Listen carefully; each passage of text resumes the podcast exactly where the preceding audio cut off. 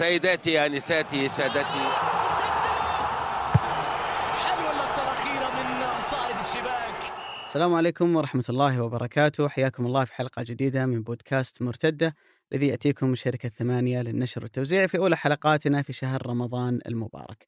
لعلكم لاحظتم بالفترة الأخيرة فيه حراك رياضي كبير جدا والحديث عن الكثير من الأسماء العالمية والرموز الكروية الكبيرة جدا والمهمة جدا اللي بدأت تربط الصحافة ما بين ما بينها وما بين مجيئها إلى الدوري السعودي وكل ذلك أتى في المرحلة اللي تلت توقيع كريستيانو رونالدو مع النصر في فترة الانتقالات الشتوية الماضية.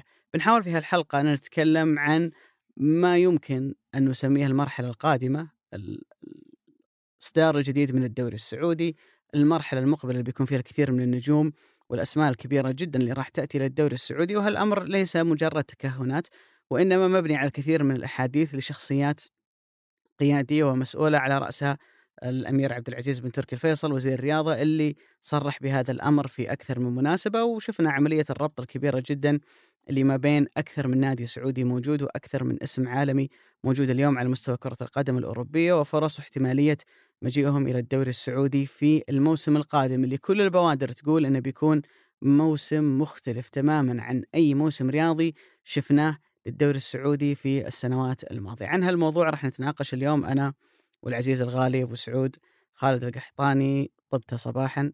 الحمد لله على السلامة. كم. خذيت من البيت لين ما وصلت؟ يعني شيء ما المفروض إحنا ما نقوله للناس لأنه في ناس كثيرة بتسمعنا في هذه اللحظة وهي عالقة في الزحمة. هذه هذه مدعاة انهم يسمعونا في الأيام الجاية. يسمعون الحلقات اللي راحت. وعلمنا كم اخذت لكن آه، خلاص بديت أتأقلم على هذا الشيء. طقيت الساعة ولا؟ لي وين يا زينك ساعة يا زين الساعة زينة. آه. أنت طقيت ساعه وأنت طريقك كان سالك.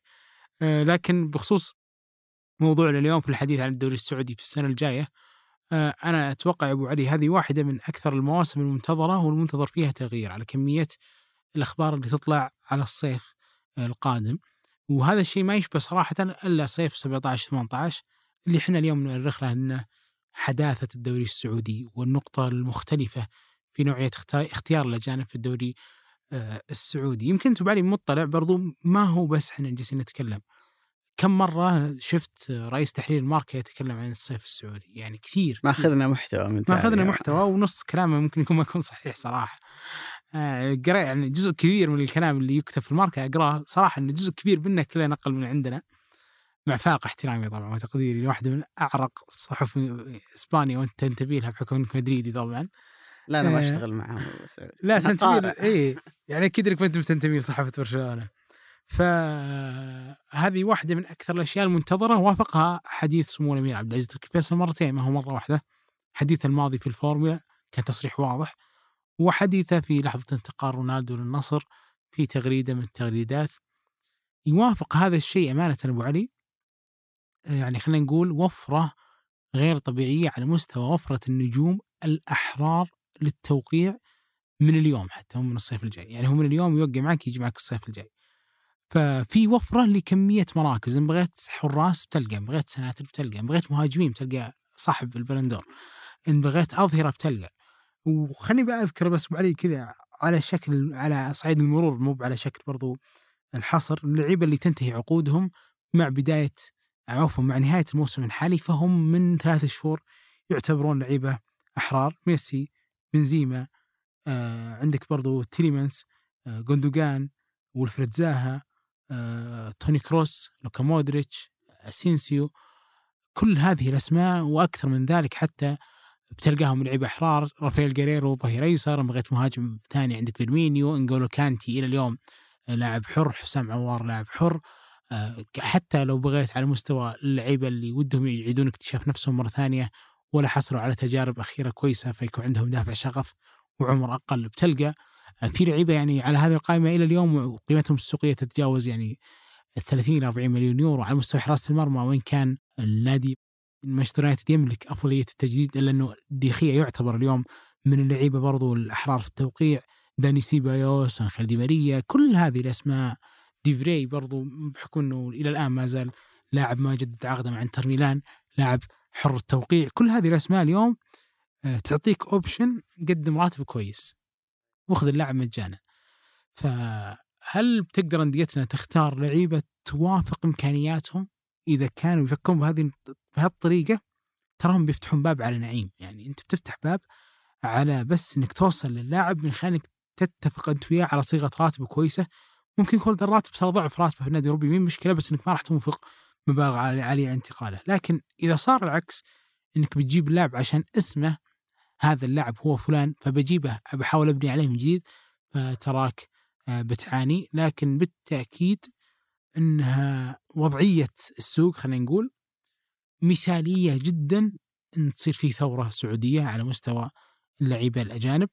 وهذا الشيء جالس يتوافق صراحة من حظنا يعني شيء أكيد إنه ما هو مرتب له حتى لو رتبت وزارة الرياضة إنها ترفع الليفل أعلى في الصيف الماضي ما راح تقدر تحكم السوق بهذا الشكل لكن من من حسن حظنا إنه بتكون أكثر الأسماء الرنانة أسماء حرة. صحيح يعني هو وجود لاعبين عقودهم تنتهي بنهاية الموسم وما جدد مع نادي أمر أنت ممكن تلاقيه في كل موسم. لكن لعل اللي ساعد إنه فيه جيل تاريخي لريال مدريد ولبرشلونه تقريبا هالناديين تحديدا في السنوات الماضية. خلاص هم اليوم على إما اعتزلوا أو على مشارف الاعتزال. تكلم عن بنزيما كروس مودريتش. حتى لو تروح مثلا ناتشو آه، في في ريال مدريد أسينسيو نوعا ما تروح لبرشلونة تتكلم عن سيرجيو راموس ما ننساه اليوم موجود مع باريس سان جيرمان. تتكلم حتى عن بوسكيتس تتكلم عن ليونيل ميسي وأكثر من عنصر. تتكلم عن أسماء. عندها حضور كبير جدا وأسماء وصيت ونجاحات كبيرة جدا على مستوى كرة القدم الأوروبية. ومثل ما قلت بنهاية السنة عقودهم راح تكون خلاص خلصت مع أنديتهم فبالتالي هو حر في مسألة التوقيع لأي نادي يشاء. يعني اليوم لو قلنا إنه أنت تبغى ليونيل ميسي الأمر هو بينك وبين ميسي. لا وجود طرف ثالث اللي هو النادي اللي يملك عقده بحكم إن عقده ينتهي في نهاية الموسم وينطبق الكلام على كل الأسماء الأخرى اللي اللي أنت ذكرتها. عندنا نقطة مهمة جدا يا أبو سعود تكاد تكون عندنا إحنا بالحالنا عن أي مكان ثاني من الممكن إن ينافسنا على هاللاعبين اللي هي مسألة الضرائب.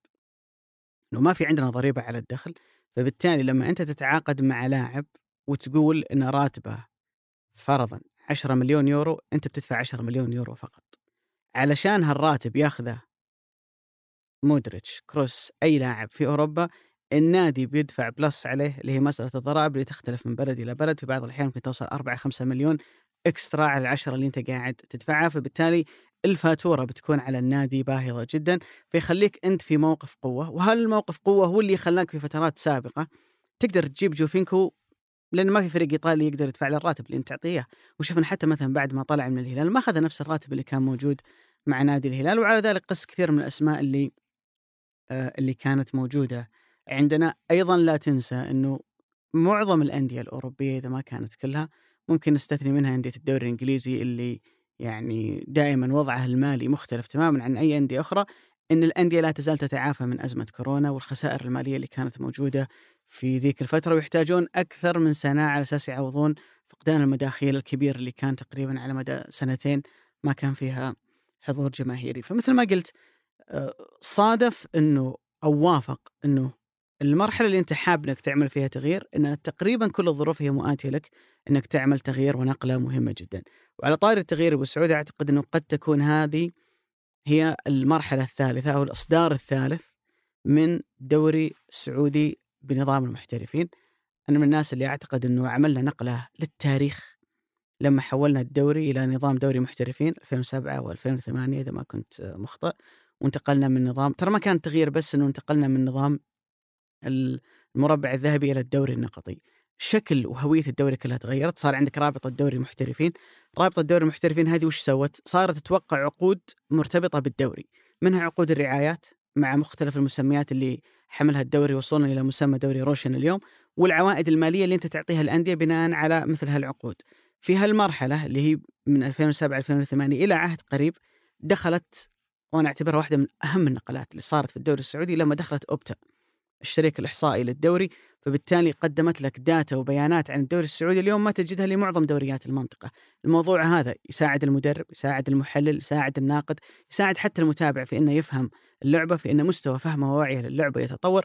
في هالمرحلة وقعنا مع Electronic Arts صارت الدوري السعودي موجود في لعبة فيفا وعملوا صراحة الجماعة في رابطة الدوري المحترفين عدة نقلات أضافت للدوري.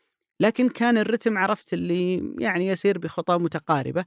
إلين جت النقلة النوعية لما موسم الصيف اللي بعد كأس العالم. هو صح من, من قبله موسم 17 18 اللي يزيد عدد الأجانب إلى ستة. بعدين أتوقع إنه صاروا سبعة. بعد في الفترة الشتوية لما جاء سيروتي وبن شرقي للهلال وجاء أكثر من عنصر آخر. بعدين في الصيف هذاك اللي جاء فيه جوميز وحمد الله وجوليانو وبيتروس وكاريو كان صيف تاريخي. يمكن أن نعتبر ذيك المرحلة اللي هي دوري كأس الأمير محمد بن سلمان هي النقلة الثانية ومن الواضح أن الصيف الجاي بيكون هو النقلة الثالثة لأنه بيأخذك لبعد آخر و- وأماكن أنت ما سبق أنك وصلت إليها على مستوى قوة وترويج الدوري اللي من المتوقع أن يكون في السنين الجاية، وأعتقد أنه هالموضوع أبو سعود يتماشى مع عدة تطورات قاعدة تصير عندنا على على مجال الرياضة لأنه نجحنا بشكل كبير جدا في ال- الاستضافات للأحداث الرياضية المختلفة اللي تعرف إنه مجال الكورة شوي مختلف كرة القدم لأنه صار فورمولا 1 موجود عندنا رالي دكار نزالات ملاكمة من ال...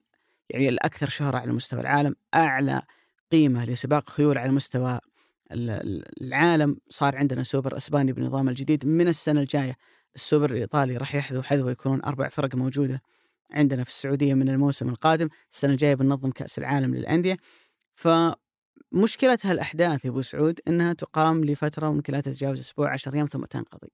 الاستثمار المختلف لما أنت تستثمر في دوريك المحلي فبالتالي تتكلم عن منافسة على مدى عشرة أشهر وتتكلم عن أسماء كبيرة جدا. مثل ما عندك أسماء كبيرة تتنافس في الفورمولا 1 أو في نزالات الملاكمة أو في رالي دكار أو غيره هذا بيتنافس عندك لفترة ويمضي.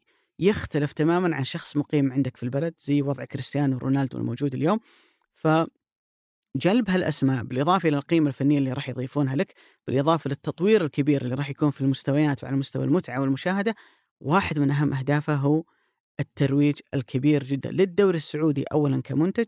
ولكل مشاريع ال- البلد في مرحلة مهمة وحقبة مهمة جدا من تاريخنا السياسي والاجتماعي والاقتصادي المرتبط برؤية 2030 اللي أنت اليوم على بعد آه، سبع سنوات من الوصول إلى الحد الزمني اللي أنت حددته في السنوات الماضية. فأعتقد إنه منطقي جدا اللي قاعد يصير آه، قياسا بالظروف قياسا بالتطور اللي تدرجنا فيه في الفترة الماضية.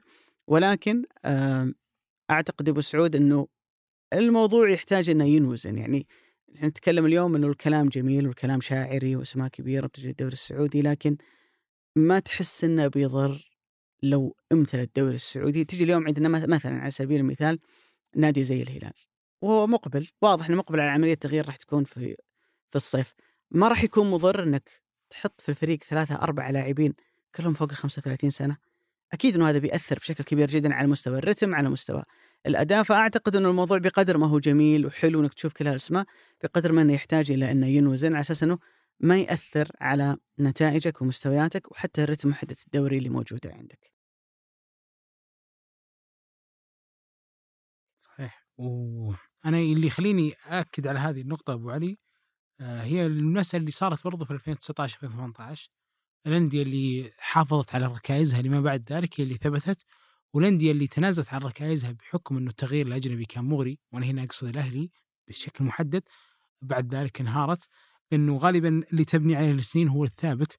وأتصور مثلا نادي مثل الهلال حتى لو غير كثير في الصيف الجاي بيحافظ على الأقل على خمسة ستة لعيبة سبعة أساسيين من جيله اللي موجود آه، حاليا. لكن الشيء اللي أجانب ومحليين ولا أجانب؟ أتكلم أجانب محليين طبعا. يعني لو افترضت إن الهلال اليوم 11 لاعب فإني على الأقل بشوف سبعة ثمانية سبعة بالح... يعني إلى حد أق... أدنى ثابتين من تشكيلة اليوم.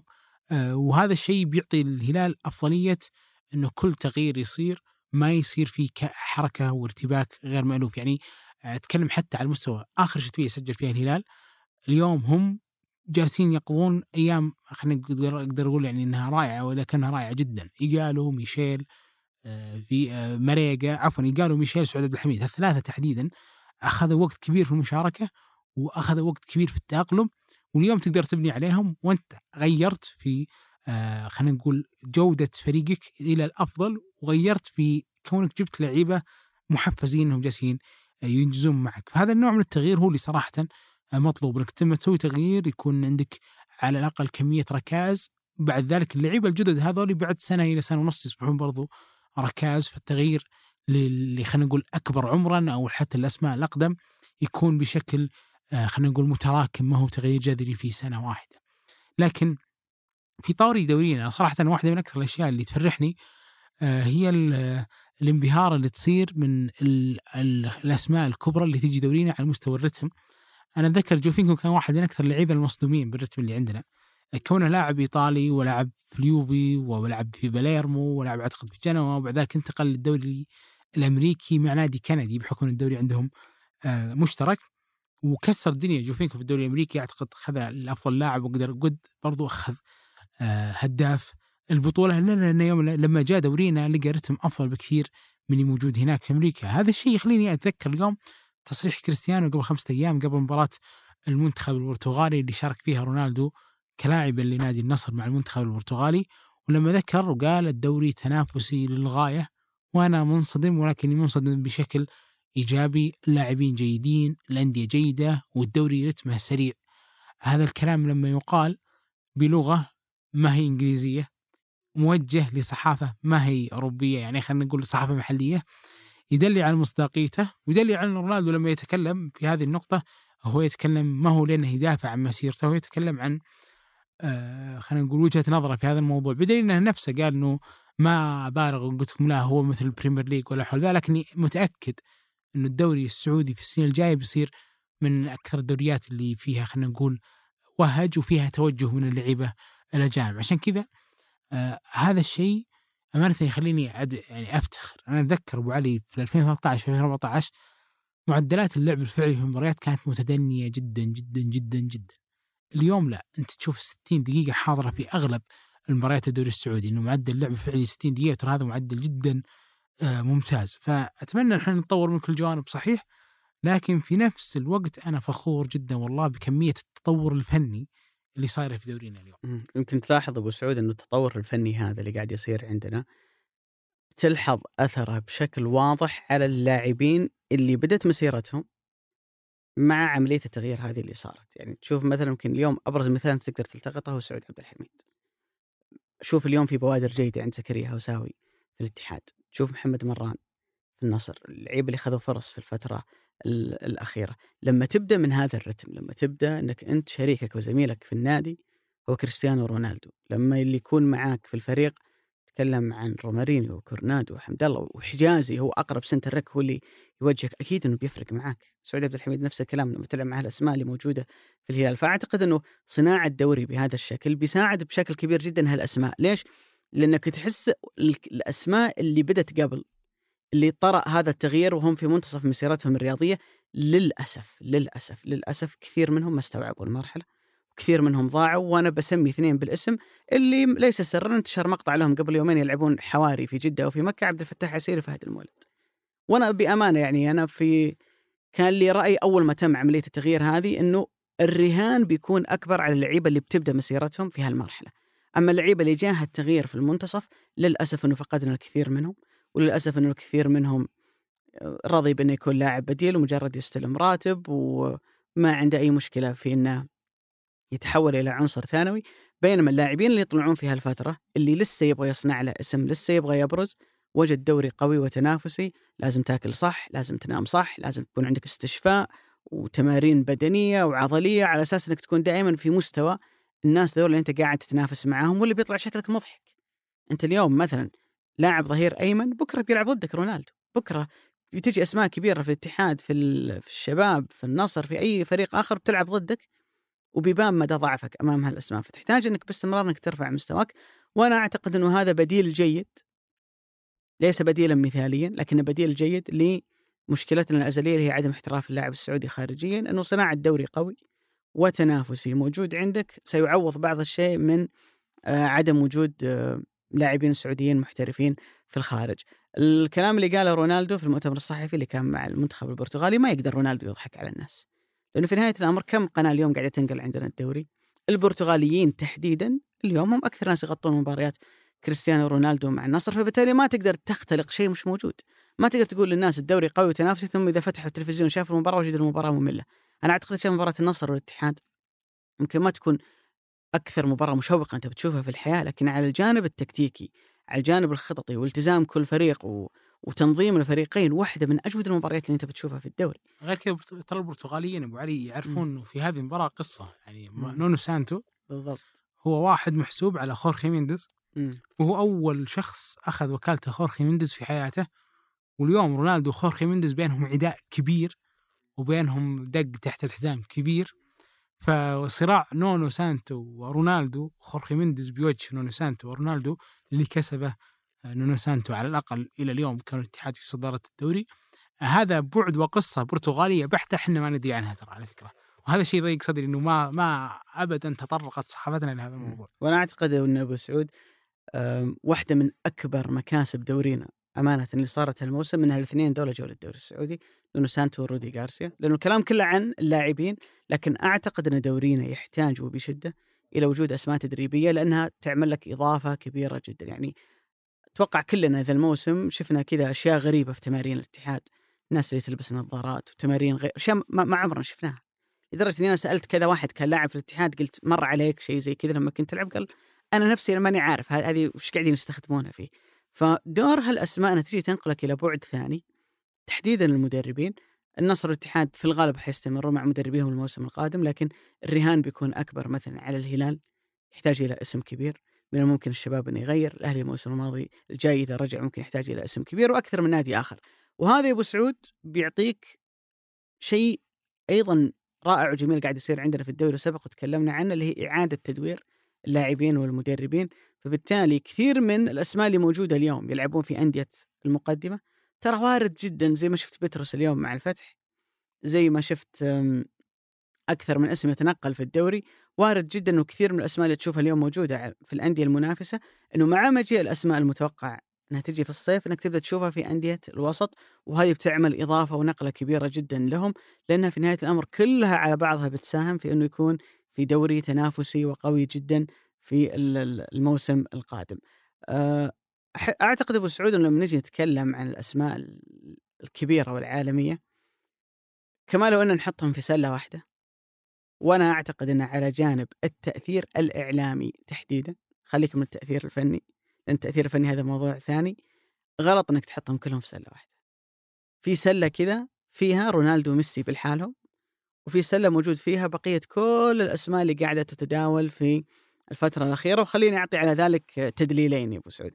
في موقع محترم اسمه فوت جول عمل تقرير أو بحث عن أكثر أسماء اللاعبين اللي تم البحث بأسمائهم في جوجل، يعني الناس دخلت جوجل وبحثت عنهم. فعمل لك م- ال top 10 من الثالث إلى العاشر نيمار مبابي ليفاندوفسكي بنزيما في اسم غريب صراحة معهم ديبالا ما أدري ليش بيكي أتوقع عشان سالفته مع شيكي شاكيرا.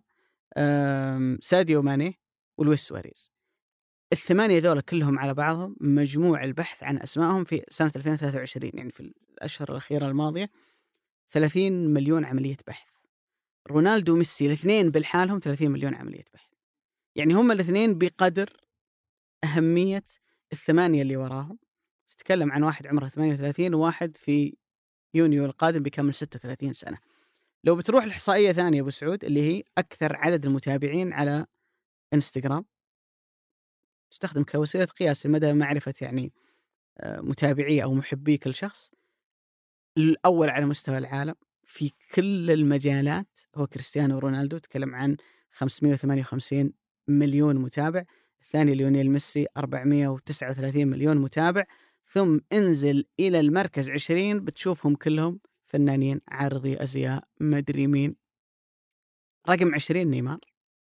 رقم 34 أو 35 مبابي. ثم قائمة طويلة ما راح تلقى فيها إلا زي ما قلت لك مغنيين وعارضين أزياء وأغلبهم من أمريكا. فبالتالي على مستوى الترويج للدوري السعودي أرجع وأقول لك هم لا ليسوا في سلة واحدة. رونالدو وميسي ذولا في level والبقية في level ثاني تماما. ولذلك طبيعي ومنطقي إن اللي بيدفع لرونالدو بما إنه وميسي في حال مجيئه لن يشبه ابدا اللي بيدفع لأي لاعب آخر. يعني أنت هنا مثلا لك راتب معين بناء على عمرك أزود ب 20 30 50% من اللي أنت قاعد تاخذه مع ريال مدريد مع باريس مع أي نادي أنت موجود فيه. لكن القياس بالنسبة لرونالدو وميسي هو قياس مختلف تماما. جزء من الموضوع لأنه نجاحاتهم الكبيرة، جزء من الموضوع إنه لهم سنوات طويلة جدا في النجومية في أعلى مستوى، فبالتالي قاعدة متابعيهم ومحبيهم نمت عبر السنوات، لكن الأكيد الأكيد إنه الاثنين ذولا لو أنت وفقت إنك تجمع ما بينهم في الدوري السعودي لا يمكن لأي وسيلة في الحياة إنها تروج لدوريك أكثر من الاثنين ذولا يتقابلون في مباراة رسمية، واحد في النصر الثاني عاد الله أعلم وين بيكون اللي هو ليونيل ميسي. عن ميسي تحديدا أبو سعود، أنت أكيد شايف ومطلع ولعلك صرت مصدر الفترة الأخيرة على موضوع ميسي والهلال، أنا ما راح أسألك عن قرب ما قرب يجي ما يجي. أصلا ميسي ينفع للهلال ولا لا؟ اتكلم عن لاعب عمره زي ما قلنا بيكمل 36 وتعرف كذا في مقولة أو كليشة تنقال عن ميسي إنه يلعب على الواقف فهل بيضر الهلال إنه يلعب معاه لاعب زي ميسي ولا اولا؟ اولا ابو علي الهلال نفسه مقبل على مرحلة تغيير كبيرة على مستوى الصيف الجاي سواء كان في لستة قائمته ميسي أو لا.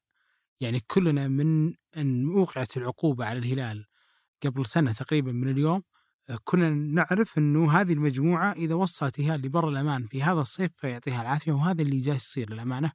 على مستوى من حققوا دوري على مستوى إنهم على اليوم على نهائي دوري الأبطال على مستوى إنهم ثاني العالم على هذه المستويات. لكن هذه المجموعة استنزفت إلى حد كبير. معدلات أعمارهم مرتفعة. بي- في بي- فيهم ركائز كبيرة صراحة معدلات أعمارهم مرتفعة. يعني نتكلم مثلا عن ينقالو عن سلمان الفرج هل عن علي بليهي مثلا عن أزمة صارت في الظهير الأيسر بعد إصابة ياسر الشهراني عن إنك تلعب أصلا بنقص لعيبة أجانب. كل هذه الأشياء تخليك تقول الصيف الجاي هو صيف للبناء غالبا في الهلال. ما هو صيف بس آه خلينا نقول للتدعيمات. ولما أقول للبناء هذا ترى علي ما يعني إنك تهدم كل ما مضى وتبدا تبني على جديدة. هذا الشيء ابدا مو منطقي ولا راح يصير يعني الهلال حتى في 2019 لما عاد البناء كلها سنة واحدة ورجع لنفس الركائز اللي كانت موجودة له قبل سلمان وعطيف والبريك والبليهي والشهراني وسلمان خلينا. نقول هو أقرب إلى ترميم من كونه. بناء يعني آه، عندك اليوم أكثر من ملف حساسين جدا أهمهم بالنسبة لي إيجالو لأنه لاعب كبير في السن 34 سنة لكنه نجمك الأول تقريبا اليوم على مستوى المستويات اليوم بعد كأس العالم بعد كأس العالم تحديدا هو أفضل لاعب في الهلال وهو هداف الدوري الموسم الماضي لكن ايجالو تعرض لإصابتين عضلية هذا الموسم والسنة الجاية بيكون عمره 35 سنة فأنت هنا في رهان هل أجدد له ولا ما أجدد له؟ إن جددت له فأنت اليوم ممكن تدخل الموسم الجديد بمهاجم آه، خلينا نقول مع تعرض لكذا إصابة وفي نفس الوقت أنت انقرصت سابقا من جوميز في هذه النقطة. هذا فيما يخص ايجالو، فيما يخص حتى ماثيوس بيريرا انت اليوم تكمل بدونه، فييتو بينتهي عقده، جانغ بينتهي عقده. عندك أزمة كبيرة واضحه في الظهير اليسار، فأنت بتدعم في مكان آه، خلينا نقدر أقول ركاز، إن افترضنا إن جانغ جدد فإنك بتحتاج تقيس مدى جاهزية ياسر الشهراني الصحية والبدنية فإنه يشيل هذا المركز بعد انقطاعه اللي ممكن يوصل إلى ثمانية أشهر من لحظة آه، إصابته، كل هذه الأسئلة آه، تعطيك مساحة أمانة لإنك تاخذ راحتك في أن تبني حول ميسي. فأنت إذا كنت بتجيب ميسي مثلا مكان بيريرا على سبيل المثال مكان بيريرا في القائمة فإنك بتسأل كثير عن من هو المهاجم اللي بيلعب قدامه وش هي النوع من خصائصه. إذا كان هذا المهاجم رأس حربة صريح فأنت تحتاج لك إلى أطراف اللي هم أربعة ظهير ولاعب قدامه وظهير ولاعب قدامه عاليين في المساحات عاليين في المجهود البدني عاليين حتى في عملية الضغط عشان يعوضون رأس الحربة وميسي أو أنك ممكن تقول لا الطرف اليسار بيستمر لياس الشهراني وسلم الدوسري. هنا في هاللحظة أنت تحتاج غالبا لمهاجم حركي نقدر نسميه عالي في المجهود البدني ما هو مهاجم ثابت مثل إيجالو. كل هذه الأسئلة أمانة هي صعبة صحيح لكن فيها مساحة للتغيير أكبر من المعتاد. يعني افترضت مثلا إن هي ما هو موقف عن التسجيل وإنه بيسجل ميسي في الصيف الماضي مو في الصيف هذا. افترضت إنه بيسجل ميسي. سواء في الصيف الجاي وانه ما هو في يد أحد بس أنا أفترض إنه وقع مع ميسي في الصيف الماضي فهي ما عندها هامش تغيير ترى كبير بيجيبه مكان بييتو لأنه زاد أجنبي بس هذا التغيير اللي بيصير بينما السنة الجاية عنده مراكز كبيرة يغير فيها وعنده فوق المراكز سؤال أكبر هل دياز بيكمل معك الموسم الجاي ولا لا؟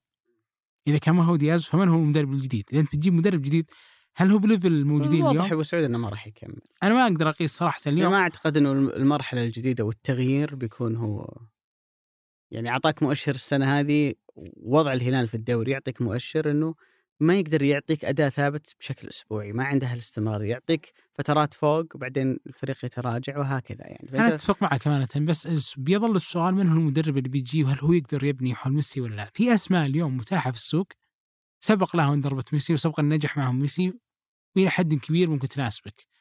وفي نفس الوقت آه في أسماء كذا شكلها من بعيد مغري لإعادة البناء بس إنها ما تتوافق ابدا مع أسلوبك وأكثر من انقرص مع الهلال في هذا الجانب هو ليوناردو جاردين.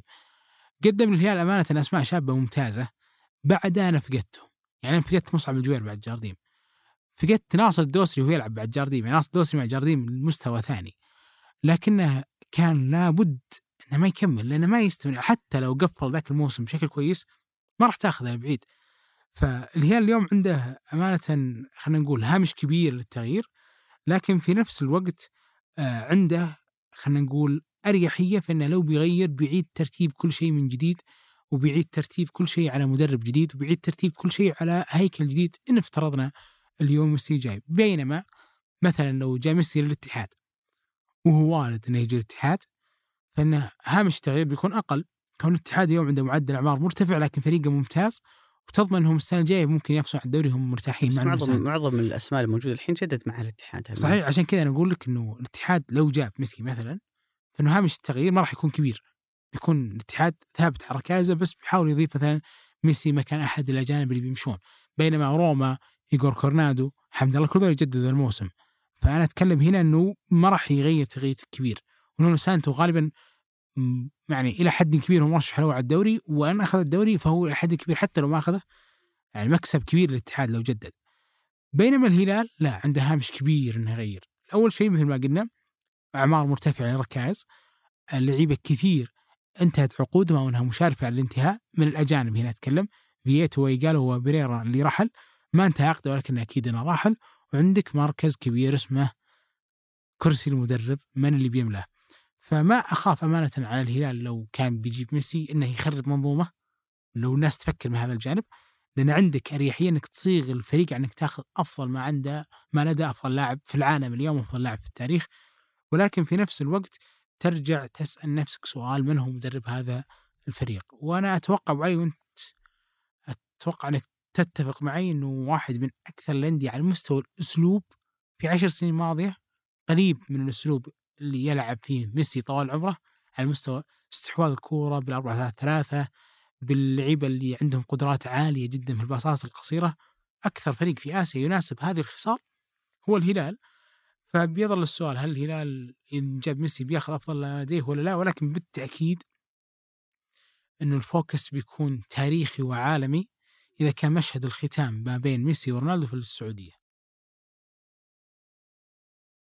يعني هذا هذيك لحظة يعني كل وده تسويقيا يشوفها. ما حد يقدر يعني يقيس على شيء اكبر منه. بالضبط في وجهة نظر أبو سعود وفيها جزء من المنطق جانب من المنطق خلينا نقول إنه الهلال طوال تاريخه الهلال ما كان عنده الهلال نادي طوال تاريخه في كل شؤونه ما كان نادي أه، من الممكن لفرد أن يطغى على المجموعة لا على مستوى رئاسة النادي أو حتى على مستوى أعضاء الشرف الهلال ممكن واحدة من أكبر مميزاته إنه ما عمره كان له رمز تكلم عن على الجانب الشرفي. ولا عمره كان عنده رئيس هو متسيد المشهد وهو نجم المرحلة أكثر حتى من اللاعبين.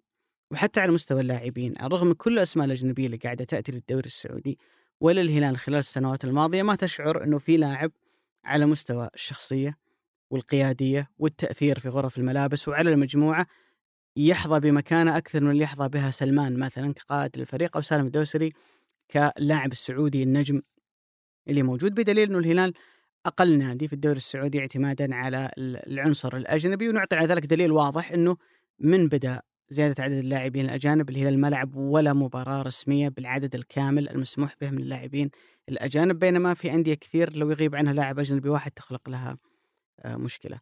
فيقول لك طالما هذه تركيبة الهلال هذه بيئة الهلال لن يكون من الجيد اني أجيب واحد حضوره يطغى على كل المجموعة ويطغى على كل العناصر الأخرى اللي تكون موجودة في المجموعة. وبأمانة التخوف هذا أرجع وأقول لك في جانب كثير من المنطق إلين شفت تجربة كريستيانو رونالدو مع النصر. لاني أعتقد إن رونالدو فاجأنا كلنا في إن حضوره إيجابي بكل الطرق الممكنة مع النصر. لا تشعر إنه أثر عليهم بشكل سلبي ولا تشعر إنه وجوده قاعد يشكل ضغط عليهم ضغط سلبي أتكلم. بالعكس قيادي مؤثر له حضور قوي جدا مع اللاعبين في غرف الملابس. يعني أرجع وأقول لك أفاد النصر بكل الطرق الممكنة. أنت لما تشوف هالنموذج بيخف عندك جانب التخوف إنه إنه ميسي حيكون كذلك. ليش؟ لأنه اولا ميسي هو لاعب محترف. الناس تتكلم عن رونالدو إنه هو أفضل محترف أنت ممكن تشوفه في حياتك ولكن لا يعني ذلك إنه ميسي في المرتبة الخمسين. يعني ترى ميسي آه، ممكن الثاني ولا الثالث وراه يعني. بدليل الالتزام الكبير اللي موجود عنده. اعطاه على مدى السنوات الماضية، الشغلة الثانية اللي بتحفز ميسي هي وجود رونالدو. وجود رونالدو والتنافس المباشر معه في مكان واحد وأنا أصغر منك سنا ما يعطيني الأريحية إني أقدر أنزل مستواي كثير وأنت قاعد تتألق وتحقق نجاحات وأرقام وبيرجع بينهم التنافس على مين يكون هداف الدوري وكل ال- ال- الأشياء الأخرى اللي تكون موجودة. فنيا في مثال أبو سعود أنا ودي إني أقيس عليه اللي هي تجربة جوفينكو مع الهلال في فترة رازفان لوتشيسكو. الهلال تقريبا في معظم السنوات الماضية كان يلعب 4 2 3 1 ممكن دياز غير نوعا ما إلى 4 3 3 في فترات أسبق دونيس كان يلعب بنظام 3 5 2 لكن في المجمل الهلال يلعب 4 2 3 1 ولذلك بتلاحظ إنه جزء من تركيبة الهلال طيلة السنوات الماضية وجود صانع لعب أجنبي في مركز عشرة تتكلم عن كاماتشو طارق التايب تياغو نيفز نوعا ما إدواردو إن كان يلعب كتسعة ونص جوفينكو بيريرا أكثر من عنصر آخر. كان دائما جزء من تركيبة الهلال وجود لاعب في هالمركز. ميسي اليوم في هذا العمر ما عاد يقدر يعطيك أداء كبير لما يلعب كلاعب طرف بحكم إنه السرعة والمرونة بدأت تتراجع عنده شوي بحكم السن ولا هو باللاعب التسعة لأن ميسي حتى لو يلعب تسعة وتسعة وهم يحتاج إلى جناحين هدافين يحتاج أسلوب لعب يشبه اللي كان يلعب فيه مع جوارديولا في برشلونة. ولذلك التوظيف الأمثل في الغالب حيكون لاعب عشرة ليش أنا قلت جوفينكو؟ هل كان جوفينكو ابو سعود لاعب مذهل في عملية الضغط؟ لا. جوفينكو من نوعية اللاعبين لما تنقطع الكوره منه ترى يا دوبك بس يتابع الكورة يعني ما يروح يضغط بشراسة ولا كان عنده ذاك الالتزام الدفاعي الكبير. والمهاجم اللي كان يلعب معاه ما يتراجع كثير اللي هو جوميز 36 سنة تقريبا أو كان عمره في في ذاك الوقت وكسر الهلال الدنيا في ذيك السنة. أفضل موسم قدم الهلال في تاريخه اللي جاب فيه الدوري وكأس الملك ودوري أبطال آسيا كان مع مع هالأسماء مع هالمجموعة كم من الرسم بالي؟ كان وراهم سلمان وعطيف لا الأطراف آه، كان آه، كريو يمين وسالم يسار كيف كان مجهودهم؟ أي أكيد إنه كان موجودهم استثنائي أنا أحس إن هذا هو نقطة التوازن ما بين هالاثنين الكبار في السن في عمق الملعب وما بين أطراف الملعب إيه حتى فالفكرة. الفكرة ابو سعود إنك أنت تتكيف مع وجود ميسي صح. لا أن تطلب من ميسي انه يتكيف مع المنظومة اللي. موجودة عندك وهذا في كل مكان في العالم. الأرجنتين لما فازت في كأس العالم رسمت الفريق والمنظومة كل شيء بما يغطي العيوب اللي موجودة عند ميسي. لكن بالمقابل أنت إيش راح تحصل عليه؟ راح تحصل على أداء استثنائي. وبأمانة في نقطتين لمصلحة ميسي على حساب كريستيانو لأنه لو جو تتم المقارنة بينهم في كل يوم. ففي اللحظة هذه في نقطتين أعتقد إنها مصلحة ميسي. الأولى إنه بعد سنتين بعد موسمين بيوصل لعمر كريستيانو رونالدو اليوم. يعني حيلعب معاك سنتين وقتها بيوصل لل 38 فهو أصغر بعامين فيعطيه هامش عمر إنه من الممكن إنه يعطي أكثر أو أداء يكون أكثر آه، جودة، الشيء الثاني إنه ميسي بيجيك من القمة. يعني الفترة الماضية نزلت تغريدة أتوقع أغلب الناس شافوها اللي كانت الأفضليات اللي لميسي هالموسم في البطولات الخمس الكبرى تكلم دوري إنجليزي إسباني إيطالي ألماني فرنسي هو أكثر واحد عمل assist في الخمس بطولات هذه كلها. هو أكثر أعلى لاعب تقييم موقع مختص بالتقييم زي WhoScored معطيه أعلى تقييم للاعب في البطولات الخمس. الكبرى الأكثر مراوغة الأكثر آه، صناعة الفرص التسجيل خذ لك أفضليات كثيرة. هذا فهو بيجيك من القمة. هذا إكسترا فوق كاس العالم. إيه. هذا بيجيك من القمة. يعني ما راح يجيك من فترة هو مستواه متراجع فيها ولا المشاكل اللي مر فيها رونالدو في الفترة الماضية. لا ميسي اليوم هو لاعب مؤثر في أوروبا ولاعب له قيمته له وزنه ال- الكبير جدا.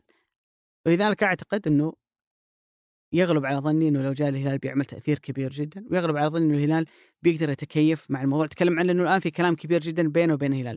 لو راح للاتحاد أعتقد إنه الأمر بيكون بنفس الطريقة لأنه أصلا في الغالب حيشغل مركز رومارينيو اللي هو خلف ال- المهاجم وبالتالي ما راح يختلف الموضوع كثير. بالعكس ممكن الاتحاد إذا في شيء نقطة إنه مش ميال كثير للاستحواذ لكن شفنا نسخة ميسي مع الأرجنتين ما كان فريق يفرض شخصيته في في كل ال- المباريات ولكن أبو سعود هل ينبغي أصلا إن كل الأسماء اللي بتجي انها تكون سوبر ستار؟ يعني لو قلنا اليوم إنه في ضخ مالي والهدف جلب لاعبين بمستويات عالية ينقلون الدوري فنيا لمستوى أعلى. وخيرت ما بين لاعب عمره 37 سنة زي مودريتش ولا لاعب أصغر ما أدري والله 31 أو 32 زي جندوجان. أليس من المنطق اني اختار جندوجان؟ لما أخير بين دي ماريا عمره فوق الثلاثين وقاعد يمر بإصابات كثيرة.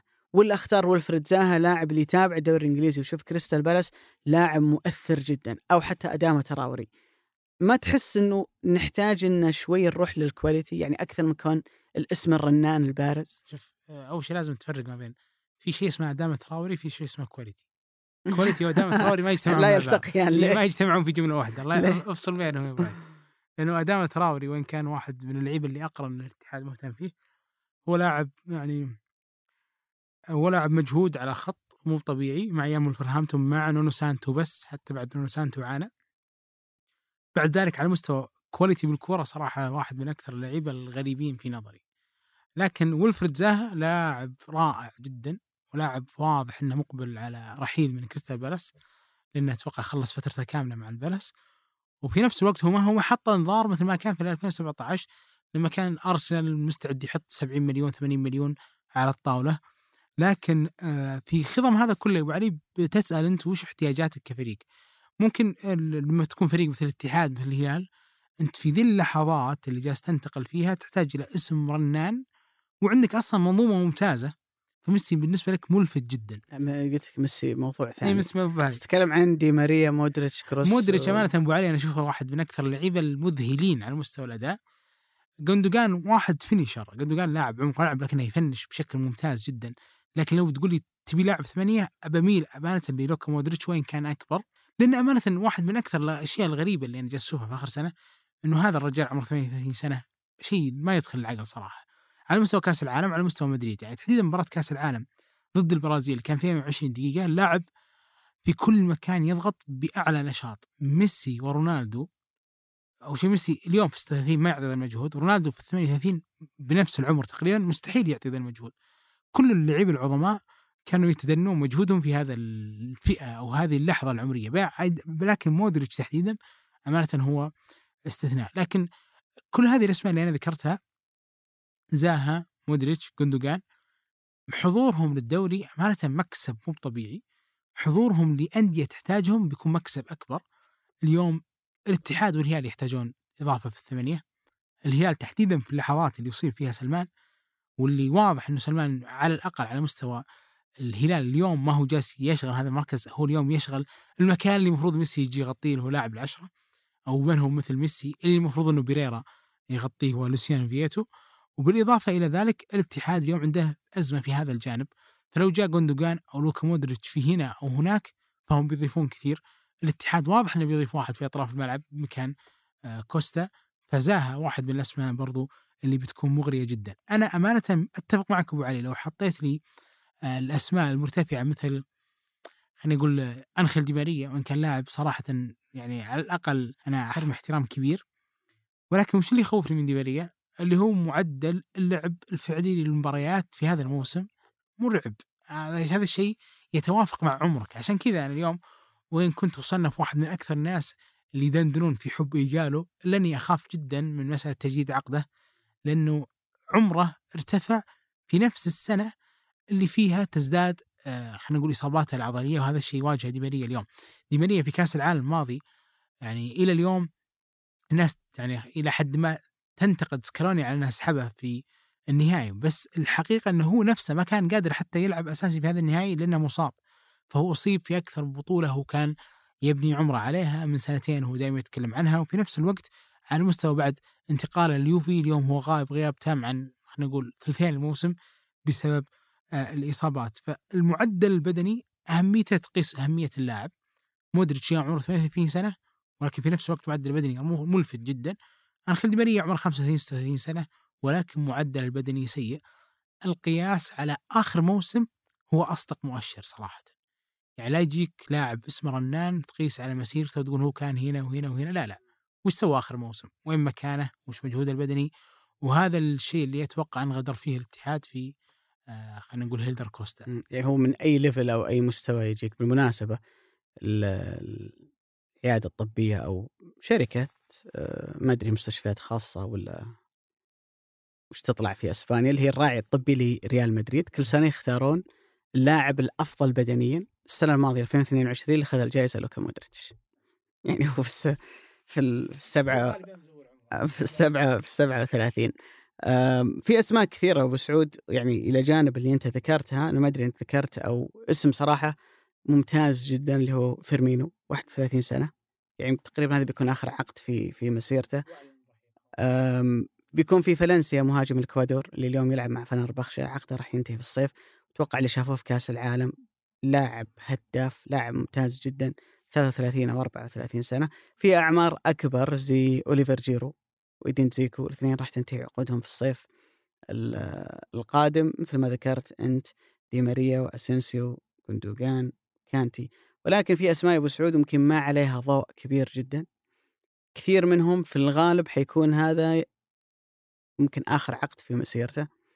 لو أنت بتوقع معاه أربع خمس سنوات يعني في عمر 27 28 يكون هذا مغري جدا وهذه النقلة الأخيرة بتكون لك في آه، في مسيرتك. وفي عدة أسماء صراحة آه، تستحق ال- الاهتمام.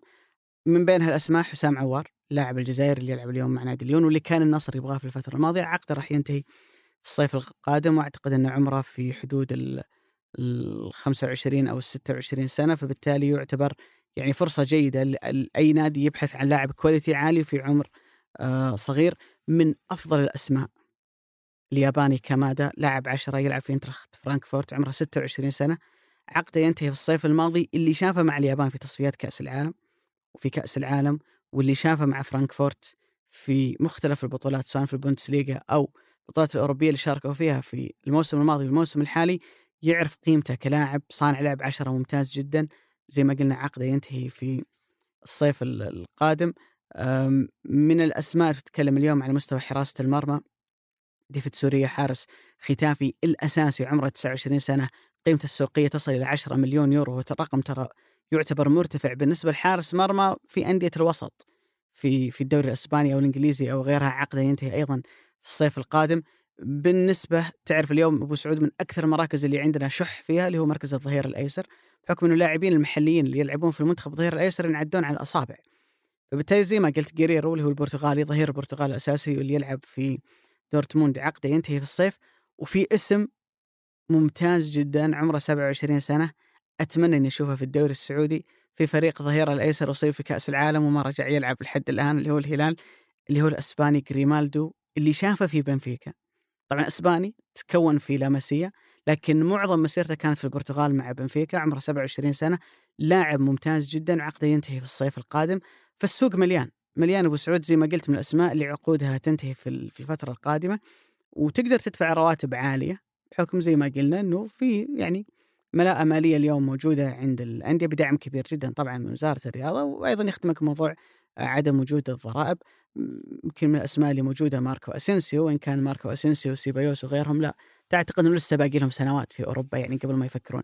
من الأسماء صراحة اللي ودي أشوفها اسمه أنا احبه في ريال مدريد ناتشو عقده بينتهي في الصيف لاعب جوكر أي مكان في الملعب لو تبي مدرب صار مدرب لو تبي حكم يلعب حكم أي خانة في الملعب يعني بلا مبالغة المراكز الدفاع الأربعة كلها يلعب فيها ظهير أيمن ظهير أيسر أو حتى قلب دفاع ويعتمد عليه ريال مدريد في كثير من المباريات وعنده تجربة وخبرة كبيرة جدا. وآخر مباراة البارح ضد النرويج كان أساسي مع المنتخب الأسباني فيها. أيضا انيجيو مارتينيز المدافع اللي كانت عنده سنوات طويلة مع سوسيداد وحاليا يلعب مع بلباو. عقده راح ينتهي في الصيف القادم. فالسوق مليان مليان الكثير من الأسماء. أتمنى صراحة إنه توفق الأندية يعني في جلب أكبر عدد ممكن منها. ولكن أعتقد أبو سعود إنه هذا حيودي الدوري باتجاه ثاني ومختلف تماما إنه وجود كل هالأسماء كل هالزخم والمتابعة الإعلامية والضجة الكبيرة جدا هل نحن جاهزون على كافة المستويات؟ نتكلم على ملاعب نقل تلفزيوني تغطية إعلامية مواقع تهتم بالإحصاء وكل الأرقام والبيانات المتعلقة بالدوري.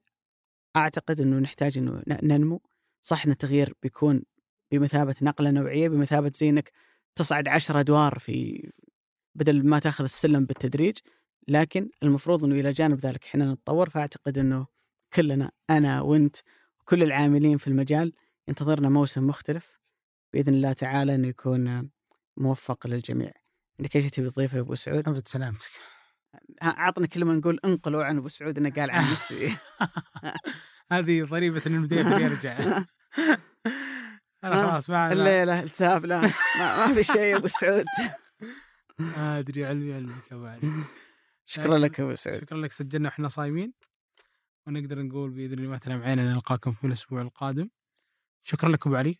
شكرا لك أبو سعود. شكرا لكم. شكرا ليوسف إبراهيم في تسجيل هذه الحلقة والهندسة الصوتية. وفي التحرير مرابط ضبيبان هذا بودكاست مرتدة أحد منتجات شركة ثمانية للنشر والتوزيع. نلقاكم على خير بإذن الله ما تنام عيننا